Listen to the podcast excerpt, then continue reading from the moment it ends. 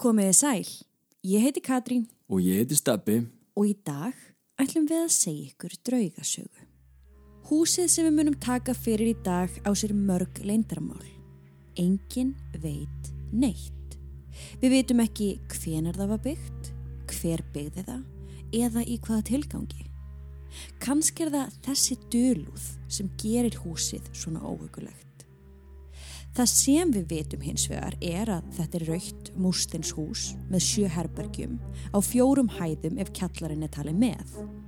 Það er staðsett í bænum Lanchester sem er tæplega 39.000 manna bær í Ohio fylki og ég held að það sé óhætt að fullir það að meiri hluti bæjarbúa, ef ekki bara allir, vita hvaða hús þetta er sem við ætlum að taka fyrir í dag.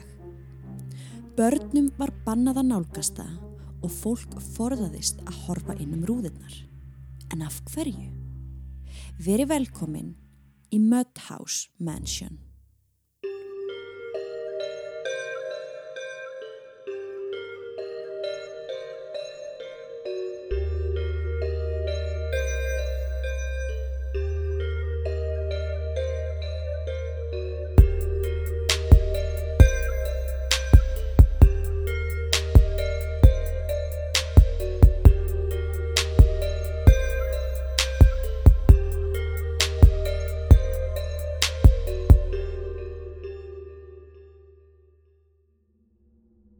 Við viljum minna á að draugasögurnar okkar eru ekki við hæfi barna yngre en 13 ára nema með leiði fullorna. Og með því hefjum við sögu dagsins. Það eru getgátur um að húsið hafi verið byggt í kringum árið 1840 eða 1850. Engin veit hver átti það þannig byrjun en sagan segir að fyrst til að byrja með hafið húsið verið notað sem gisti heimili og bar sem hétt Red Rocks Tavern. En húsið var langt frá miðbænum og gengu viðskiptin því ekki nógu vel svo húsið var sett á sölu. Húsið kaupir svo nokkuð háttsettur maður sem starfaði bæjaráði. Hann flytur um með konu sinni og börnunum. Þau breyta þessu gisti heimili í einhvers konar setur. Þetta var stórt heimili og þarna á þessum árum líklegast í kringum 1860 eða 70 var alls ekkert óeðlilegt að fjölskyldur ættu þræla. Nema hvað að þrælahald var með öllu ólöglegt í Ohio fylki. Jú, en húsbóndin dó ekki ráða laus. Hann breytti kjallara húsins í leynilegan þrælabústað þar sem hann var með hlekki og rimla og allt sem þurfti til þess að fela þrælana sem hann smiglaði inn. Minnum við pínulítið á La Lori setrið. Alveg rétt, alveg rétt. En það kemur svolítið óvart að þrælahald hafi verið ólögt á þessum tíma af því það týðkaðist rosalega lengi að fólk ætti þræla. Ég er líka bara að tala um Ohio fylki. Ah, Bara ólöglegt Já, ég þar. skil, ok, ok. Þó að Ohio fylki bannaði þrælahald þá voru vissulega önnur fylki sem að leifðu það. Já, ok, ok. En í þeim fylgjum þurfti fólk sem átti þræla að hlýða ákveðnum reglum. Því þrælarnir áttu ákveðin réttindi þrátt fyrir allt. Nú, Og þessi réttindi snýru líka að hýbílum þeirra, þá hvernig og hvar þræla bústaðarnir voru. En þar sem húsbóndin var að smigla inn þrælum inn í fylki sem leifið ekki þræla þá þurfti hann ekki að fylgja neinum reglum. Svo fjölskyldan gætt komið fram við þrælana eins og hendaði þeim og sagan segir að þau hafi verið virkilega grimm og vond. Þrælarnir voru látnir vinna linnulöst, fengu lítið sem engan mat og sváfu á kjallaragólfinu læstir inn í þar til gerðu fangelsi sem húsbóndin hafði hannað. En þrælarnir vissu að ef þeir kæmust út úr húsinu þá erðu þeir frjálsir. já, ok. Skilur, því þeir já. voru ekki þrælar í þessu fylki. Nei, ekki svona á pappír Nei. og eins og þetta var annar staðar. Þeir þurftu bara að komast úr húsinu. Þau voru bara fangar.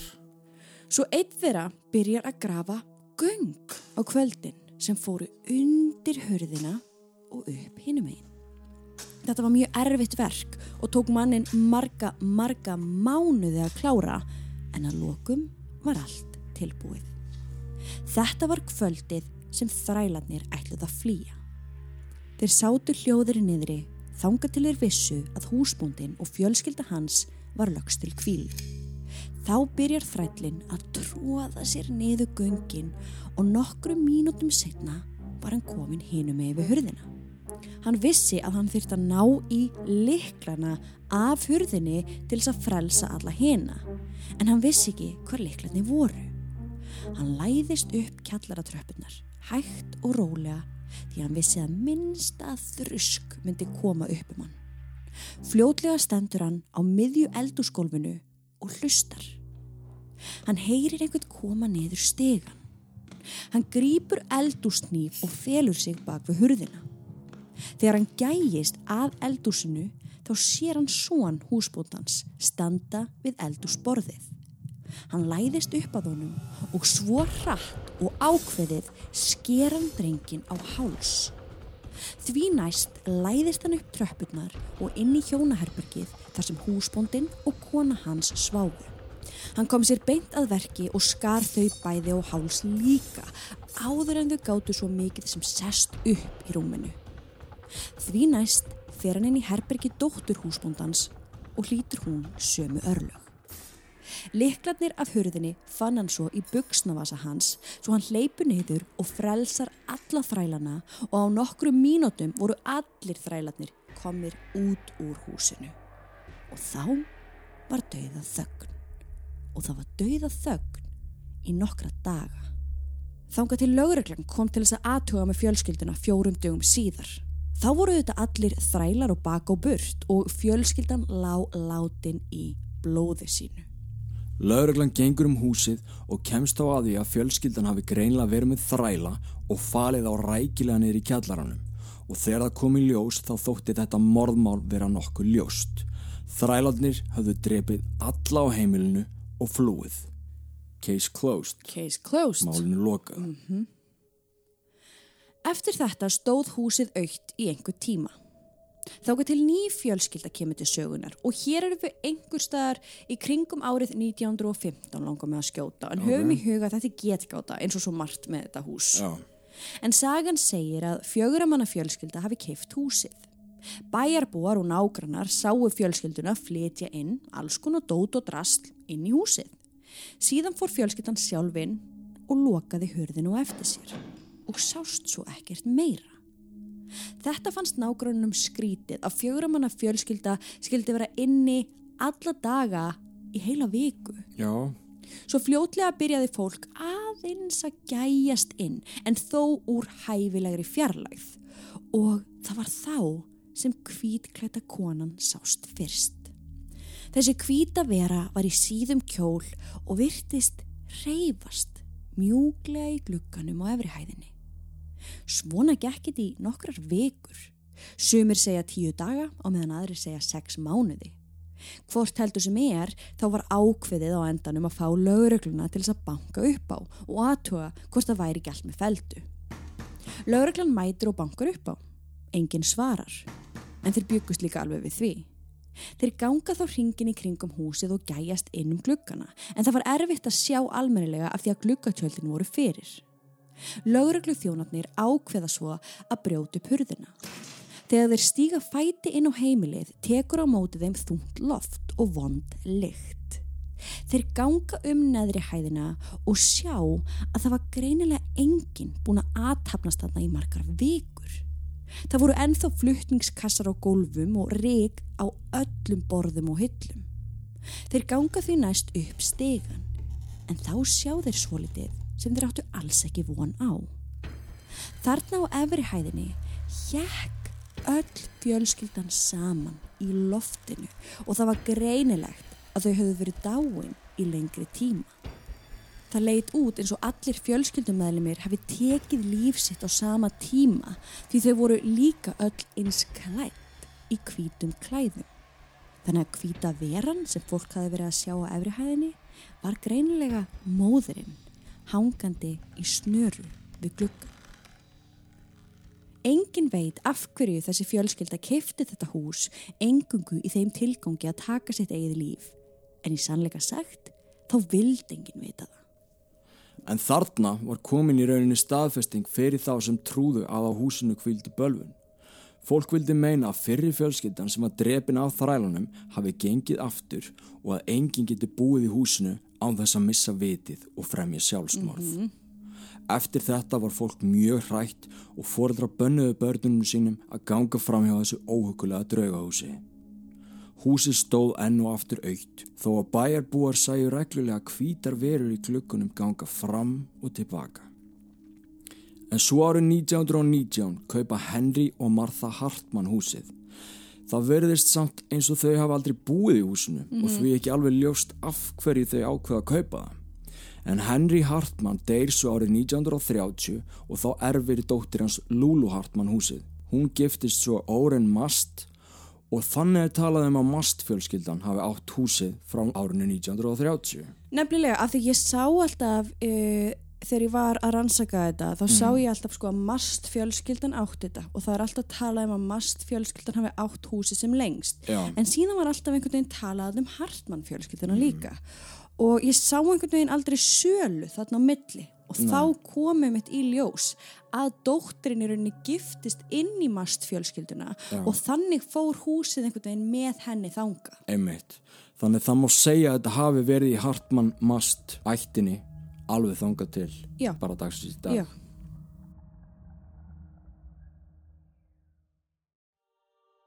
Mikael Darri veikist í kringum 8 mánuða aldur og greinist síðan í framaldi með alvarlegt AML kvítblæði á samt eksli við heila, mænu og andlit rétt fyrir einsars amalið sitt.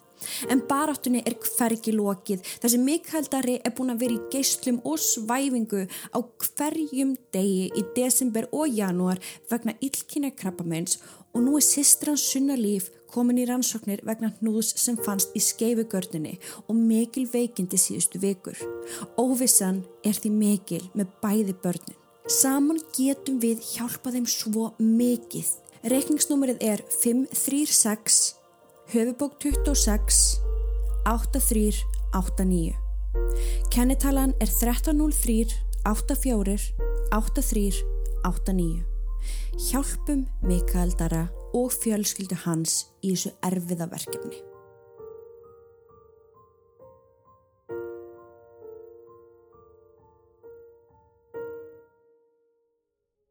En eins og áður þá fletur engin inn svo húsið bara stendur og eigðilegst hægt og rólega. En þá er gott að minna sig á að þarna er húsið orðið 70 til 80 ára gamalt og hefur ekki fengið neitt viðhald á þessum árum þannig að eðlilega er engin að fletja inn eitt, tveir og bingo. Emitt. Það kostar peninga að fara að gera upp húsið. Já. Orðspór húsins hafði hins vegar dreifst víða og margir sem vildu koma og líta þetta óhugulega og dularfulla hús augum. Árin liðu 1940 og 1950 og húsið var orðin aðal samastæður fyrir útigangsfólk og aðra ógæfi menn. Mm -hmm. Glæpa gengi komið sér þarna fyrir og allt þetta fólk eiðilaði húsið meira smátt og smátt með hræðilegri umgengni. Mastfjölskyldan reyndi eins og hún gat að komið sér fólk í burt. Í nokkur skipti komu nokkur fjölskyldumæðlumir sér fyrir á pallinum og vopnaðir bissum sem þeir meðuðu á fólk sem reynda að smikla sér þangað inn. Þau gengum meira segja það langt að í eitt skiptið þá klættu þau sig upp sem drauga Nei. til þess að fæla fólk frá. Þetta minnum við bara alveg eins á Asmore States og hann að sérstakka karakterinn þar. Já, algjörlega. Þetta var í rauninni sko þau fundu nýtt orð fyrir alla þá sem að voru að brjótast þarna inn þau kölluðu þá Legend Trippers Það? Já, sem sagt einhverja sem að voru að brjótast þarna inn og voru að í leita spennu mm. og voru mm. bara svona trippin yfir góðsögninu Já, ok En sagan heldur áfram og hún segir að um árið 1960 komist djöbladyrkendur inn í húsið og eiginlega tóku yfir það ah Útigangsmenn höfðu engan áhuga á að vera í kringum fullt af djöbladýrkendum sem heldu messur þarna inni kvöld eftir kvöld. Þegar það komst síðan upp einhverjum vikum setna voru þau búin að fórna alls konar dýrum þarna inni og sumir segja að þau hafi meiri segja fórna litlu barn. Nei. Það segir saga. Já, úf. Það var ekki bara mast fjölskyldan sem reytist við þessa fréttir, heldur allir bæjarbúarnir. Þau tóku sig saman, örkuðu að húsinu með kindla og kveiktu í því með von um að djöbladyrkjendunir væru ennþá þarna inni. Svo eru samt sömur sem segja að þetta hafi ekkit verið neini djöbladyrkjendur, heldur bara miskildri hippar sem var svo sem ekkit óeðlegt á þessum tíma. Nei, nei, akkurat, akkurat á hippa tímabilinu sko. Þannig að þannig að kveikt í húsinu en þá var það ekki bara fyrsta hæðin eða eitthvað Jú. sem branna einhverju leiti. Jú. Eftir þetta stóð húsið enn og aftur aukt og núna var virkilega að byrja að sjá á því. Mhm. En það búið að kveikja í því, brjótast inn í það, trekk í trekk og brjóta allt. Sagan á húsinu held áfram að berast á milli manna og ennþá voru margir forvitnir að koma og skoða þetta óhugulega hús sem var ennþá í eigu mastfjölskyldunar. Bæjarbúar sem byggu í grænt við húsið eða kerðu fram hjá því til vinnu voru allir sammála um að húsið væri ekki aukt. Það var í skrítin orka í kringum það og fólk talaði um að sjá fólk á efrihæðinni. Árið 2002 fekk miðill leifi hjá mastfjölskyldunni til þess að koma og skoða húsið. Þegar að hún gengur inn með nokkrum fjölskyldumeðlemum var greinilegt alveg frá byrjun að þau væru ekki einn. Lætin á efrihæðinni voru mikil, eins og fólk væri að labba fram og tilbaka.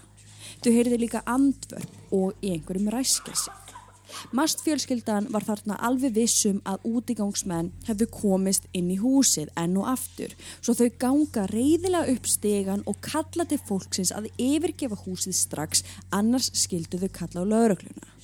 En þegar þau voru komin upp sáu þau engan og það var dauða þögn. En þá stóð húsið aukt og sögurnar urðu óhugulegri og á sama tíma furðulegri. Vinsalasta sagan á meðal krakka var svo að þetta hafi verið æsku heimili Bloody Mary. Þjóðsagan um Bloody Mary segir að hún sé fórspá. Bloody Mary var til um svipa leiti og þegar að gjörningurinn um andlit í speiklinum var vinsæl á meðal kvenna aðalega. Þá áttu þær að vera einar inn í dimmu herbergi, horfa í speil, haldandi á kertaljósi. Þegar þær störðu í speilin áttu þær að geta séð andlit tilvólandi eiginmanns. En það var hins vegar möguleiki á að þær sæju í staðin hauskúpu og ef það gerðist sagði það konunum að þær myndu láta lífið áður en þær fengju tækifæri til þess að ganga í hjónaband. Þá kom sagan um Bloody Mary. Viðkomandi átt að standa fyrir fram að speil og segja nafnennar og það varð að segja það 13 sinnum til þess að vekja hann upp. Eftir það átt hún að byrtast í speiklunum, annarkort sem lík, stundum öll út í blóði, norn eða draugur, annarkort góður eða yllur. Þessi sín getur öskrað, bölvað, stólið sálðinni, drukkið blóð þitt eða klórað úr þér augum. Bloody Mary hefur líka verið kölluð Hell Mary eða Mary Worth. Já, svo þetta ekki drosalega hugulegur andi. Nei, en hver er þessi Bloody Mary? Í kringum árið 1800 sem er á svipiðum tíma á húsið okkar var byggt við höldum var ung stúlka sem hétt Mary. Hrikaleg veikindi blossuðu upp í bænum þar sem hún bjó sem drap fólk eitt af öðru. En til þess að gangur skugga um að fólk væri látið þá var tekin púlsinn og eftir það var settur lítill speill undir nefið á því og þannig aðtöða hvort að fólk myndi anda. Ef það andaði myndi koma móða á speilin. Já, Ef ekki myndi ekkert sjást. Þannig var auðvelt að ganga úr skugga um að fólk væri látið. ég skil. En það kom oft upp að fólk sem hafi verið úrskurðað látið var það síðan bara alls ekki. Ó, svo hryllileg tilhugsun. Svo það var tekið upp á því, að, og þetta þekkja margir, að Já. setja fólk í kisturnar og á hana var gert lítið gat. Í gegnum gatið var settur lítill spotti sem var fastur við bjöllu. Bjallan hjekk síðan á preki fyrir ofan gröfina og ef þeir dauðu skildu vakna þá gætu þeir tókað í bandið og þá myndi heyrast í bjöllunni og þá átt að grafa þá upp. Mm. Þetta er maður að sé í mörgum hryllingsmyndum og í einhverju Conjuring myndinni til dæmis. Já, einmitt. Mary veikist svo illa og endanum deyr hún hægum og sásugafullum döðdaga. Foreldrar hennar voru sorgmættir og vildi ekki grafa hana strax. En hún var sett í kistuna, spottanum komið fyrir á sinn stað sem var tengdu við bjöllu. Tími leið og nokkuð ljóst var að Mary myndi ekki vakna, svo hún var grafin út í gardi við hús foreldra sinna. Þegar að búið var að grafa hana fara foreldrar hennar í heimsók til nágranna skamt frá. En þá skyndilega vaknar Mary. Ofan í kistu, grafin onni jörðinni. Hún tekur í spottan og byrjar að ringja bjöllunni af svo miklum krafti að spýtan sem bjallan var á dettur í jörðina. Þá byrja hún að klóra lokið á líkistunni svo mikið og lengi að allar neglutnar brotnuðu og hendurnar urðu blóðugar. Að lokum kapnaðum. Þegar að foreldrarnir snúa tilbaka sjá þeir að bjallan er dottin af prekinu. Þau grafa dóttur sína upp með hjálp nágranna sinna og þegar þau opna kistuna blasir við þeim ræðileg sjón. Ofan í kistunni liggur Mary með opin munnin eins og hún hafi verið að öskra og úr augunum hennar skein reyn skelving. Hendur hennar voru blóðugar og í líkistunni voru klórfur út um allt. Hvíti kjóllin sem hún hafi verið grafin í var orðin blóðrauður. Þau ná í lítinn speil og setja undir nefennar til að aðtuga hvort hún skildi anda. Og það gerðum. Nei. Einn andadráttur skilaði móðu á speilin en þrátt fyrir það var hún dáin. Það er sagt að sál hennar hafi farið úr líkama hennar á þessu augnabliki og inn í speilin. Og það er þess vegna sem sagan um Bloody Mary er til. Hún er först í speiklum og klórar alla þá sem dyrfast að segja nafninar. Er þessi saga sönn? Ég veit það ekki. En ungir bæjarbúar í Lanchester vilja meina það og þeir segja að Mudhouse Mansion hafi verið heimilið hennar og þá að hún sé grafin einhver starf þar í kring. Já, mér skilst það að segja mitt einhver grafrætur átna rétt hjá það sem hún er jarðsett. Já, er það ekki? Jú, en já, þetta kemur óvart. Ég vissi ekki alveg þessa sönnu sögu á bakvið Bloody Mary Nei. og hver uppröndin hann var. Og það er gaman að heyra þetta. Sko þetta er aðalsagan. Ég held að sé alveg til fleiri sögur. Já, já, það er til margar útgáfur og það sem hún drekkur blóð og eitthvað. Akkurat. Ég held að þetta sé svona aðalsagan um. Já. Og svona hafa hún rauninni komist inn í speilin og þannig sé hún í speiklum. Já. En spólum til ásins 2015. Mast fjölskyldan var þarna komið alveg nóga fólki sem var að brjótast þarna inn svo þau raunverulega kærðu alla þá sem stegu fætin á landið Og þeirra. það er bara bylu vinna. Já, já, einmitt. Þú þarf bara að kæra fólk hægri vinstri. Enda laust. Og samhliða því þá settuðu upp grindverk og skilti sem varaði fólk við. En meira segja þrátt fyrir þetta þá fann fólk leiðir til að smíkla sér inn. Svo þann 21. september 2015 ákveða þau að láta rífa húsið. Þetta skapaði alls konar tilfinningar hjá bæjabúum og öðru fólki allstárur heiminum sem hafði áhuga á húsinu og sögu þess. Sumir voru reyðir á meðan aðri voru gladir að þetta draugahús myndi loksins vera samin að jörðu. Það voru einhverju sem reyndi að kaupa húsið af fjölskyldinni en þau höfnuðu öllum bóðum. Og ég held að það sko sé út af því einhvern veginn að þetta var, hún náttúrulega erfir þetta hús Já, og þú, að það var fólk sem vildi kaupa og það er einhvern veginn bara nei við seljum aldrei. Bara einhvern veginn það bara að þú veist þetta er bara erðagripur sem Já. við munum aldrei láta fara úr fjölskyldinni já. Maður skilur það og Já, líka jafnvel sko að húsið ásið svo rosalega dögt orðspor. Akkurat. Að þetta sé bara eins og með handið hluti. Þú ert ekki að fara að kaupa þetta frekar eru að fara að láta að brenna þetta. Já en það finna er samt að mast fjölskyldan hún er ekkit að trúa því að það sé neitt það inni sko. Já það er svoleiðis. Já, já. nei nei þau tala ekkit um það að þetta þeim bara líkar ekkit rosa vel við húsið þetta er bara gamalt og leðilegt hús. Þau tala ekkit um draugagangi eða neitt þannig. Ok, þannig að ég, mitt, ég hugsaði það ætli það sé ástæðan fyrir þau er ekki að selja því þú veist þú vilt ekki að þetta fari í hendur einhvers annars. Mér, heyrðist það ekki sko. nei, ok, þau trú ekki neinu. Þau trú ekki neinu. En svo líka, þú veist, að það myndi fara í hendur annara, þá myndi það vonda orðspor sannlega fylgja húsinu og þá fjölskyldinu hennar. Já, Já, þetta var allavega alveg erfi, þetta var, ég meina þau eiga þetta hús þarna í mörg, mörg, mörg ára á þess að gera nokkuð við það, þetta lítur að hafa verið erfi ákverðun að taka. Að því þau sögðu að lokum að þetta hafi verið það eina í stöðun. Já. Húsið hafi verið mjög illa farið og virkilega hættulegt fólki. Þau vildi ekki að fólk vera að smikla sér að neinn og eiga þá í hættu að slasast. Þau töluðu um að það væri allt og dýrt að gera upp húsið og sömulegis að þessi dýrt að láta rífa það, en það hefði þó verið betri kostur. Þau ákveða samt að gera það sama og eigundur Wolf Mansion gerði og allir rauði músteinarnir í húsinu fóru á sölu. Þannig að þeir sem vildu, þau gáttu keft sér smá bút af húsinu og þannig átt minningu um það. Og þetta gerir fólk alveg grimt. Já, Ég meina fólk er alveg grimt að kaupa eitthvað bara, þú veist, úr einhverjum svona húsum, úr jú, einhverjum jú, svona draugahúsum. nagla og eitthvað. Já, já, jú, jú, já. Það er rétt, já.